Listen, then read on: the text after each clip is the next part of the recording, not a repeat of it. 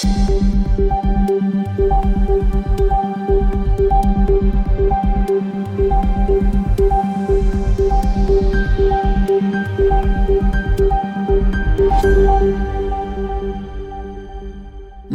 tilbake til Krimnytt, en podkast for deg som ønsker å følge med på aktuelle true crime-saker. Først i dag så skal vi til en syrisk familie som er bosatt i Velje i Sør-Jylland i Danmark. De har klaga inn politiets spesialpatrulje, der de hevder seg forfulgt og trakassert av politiet i tre år helt uten grunn.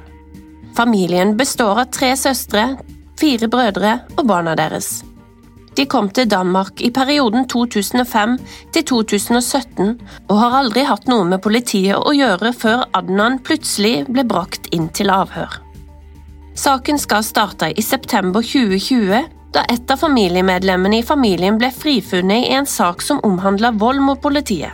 Foranledningen var at en av brødrene, frisøren Adnan, sent om kvelden ble innkalt til avhør hos politiet.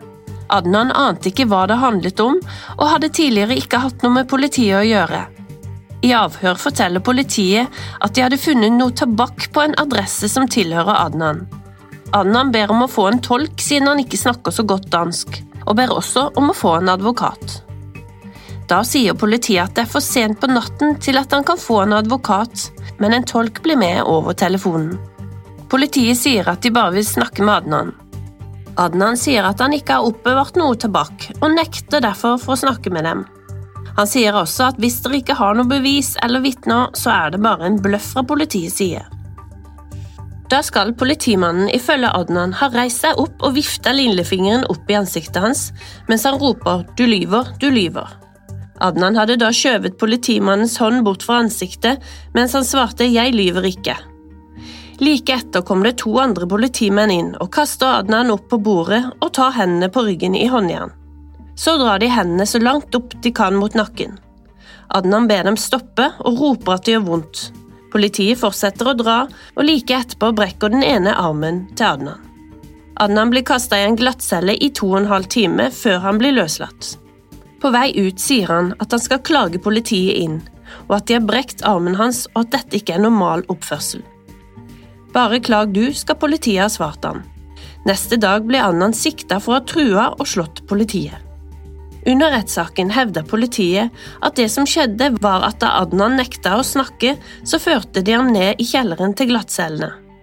Da de kom ned i gangen, så angrep Adnan plutselig politiet med slag og spark.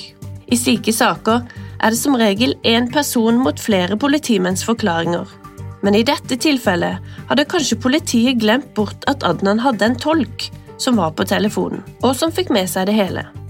Denne tolken kunne bekrefte Adnan sin historie.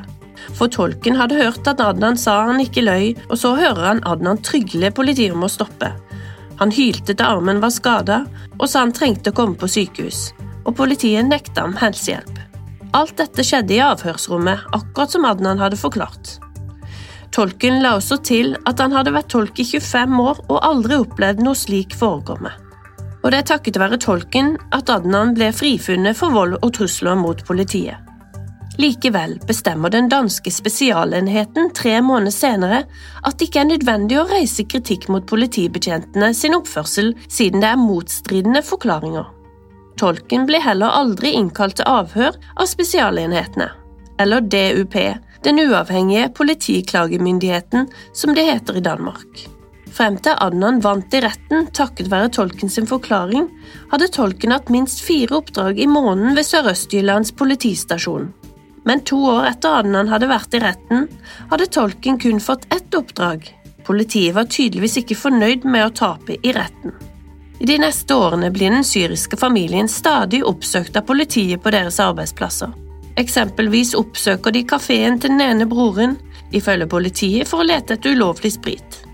Det ender med at broren blir arrestert for å forhindre politiet og for å lage støy. En overvåkningsvideo fra kafeen viser at politiet går rolig rundt og åpner skaper uten at noen forstyrrer dem. Broren blir likevel dømt for å ha forstyrra politiets arbeid. Det er snakk om flere titalls besøk av politiet i året, og flere av tilfellene er dokumentert på film. DR-dokumentaren 'Forfulgt av politiet', som kan ses på DR-DK, kom ut i midten av oktober i år, hvor flere eksperter også har sett disse filmene hvor politiet oppsøker familien, og de er alle tydelige på at dette er overtramp fra politiets side.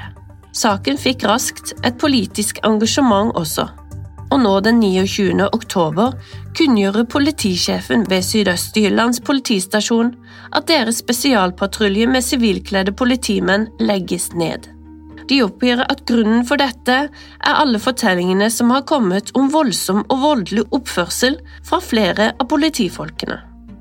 Politidirektør Jørgen Abrahamsen opplyser også at det er helt sentralt for dem at borgerne har tillit til politiet, og at de setter sin ære til å løse oppgavene sine med høy faglig kompetanse, etikk og empati. Han sier nå at de har sett av spesialpatruljens arbeid at det rokker ved denne tilliten. Politidirektøren nevner ikke familien i Velje med navn, men sier at hver enkelt episode som er verdt og er klagd inn, skal nå undersøkes grundig før en endelig konklusjon settes, men at de inntil saken er avklart, har valgt å legge ned spesialpatruljen. Han sier videre at de som arbeider på denne patruljen, nå vil bli flyttet til andre avdelinger innad i politiet.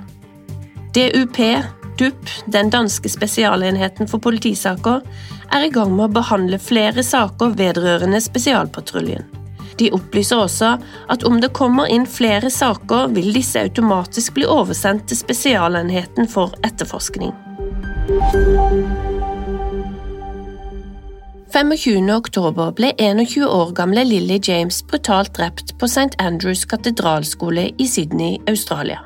Hun ble drept på badet i skolens gymsal. En snau uke etter drapet har skolen nå bestemt at gymsalen skal rives og jevnes med jorden. Det grusomme drapet som etterlot seg et blodig og grufullt åsted, ble utført av 24 år gamle Paul Thiessen. Lily James var student ved skolen og arbeidet i tillegg som vannpolotrener.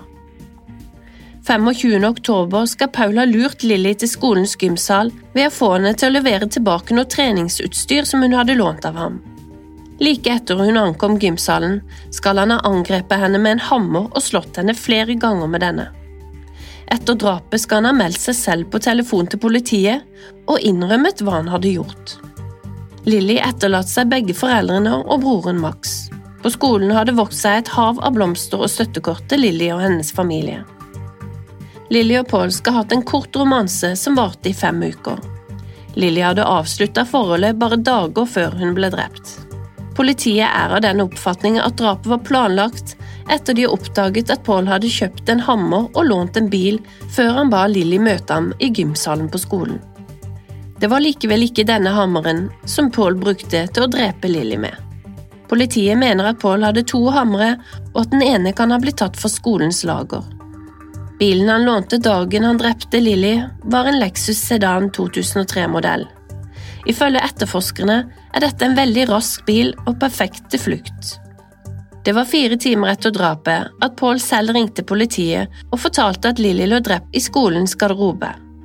Han fortalte politiet at han hadde forlatt garderoben to timer tidligere.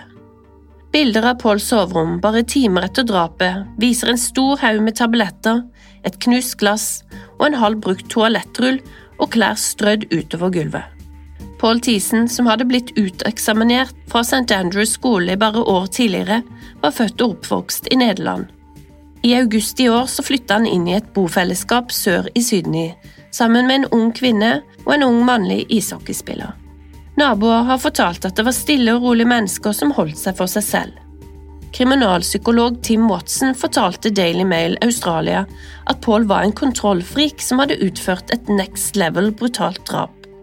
Han mener videre at Paul visste hva han gjorde da han drepte Lily, og at slike personer er livsfarlige. Dette var ikke et spontant drap, men drapet var planlagt. Fredag 27. oktober, to dager etter drapet på Lilly, oppdaga arbeidere som arbeida på noen klipper, en menneskekropp som lå blant steinene på en strand under dem.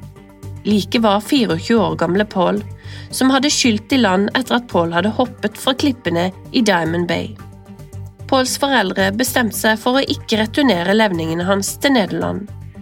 I stedet valgte de å kremere sønnen og strø asken hans et sted i Sydney.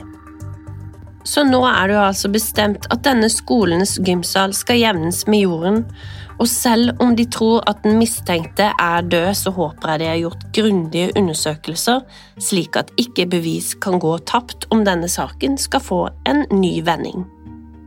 Det var alt vi hadde i denne ukas Krimnytt. Du kan finne oss på Instagram under Krimnytt. Du kan også høre lengre episoder der vi og Lise går inn i true crime-saker på Krimprat med Lise og Fiona. Og liker du episodene, så håper vi du gir oss en femstjerners anmeldelse. Det setter vi veldig pris på.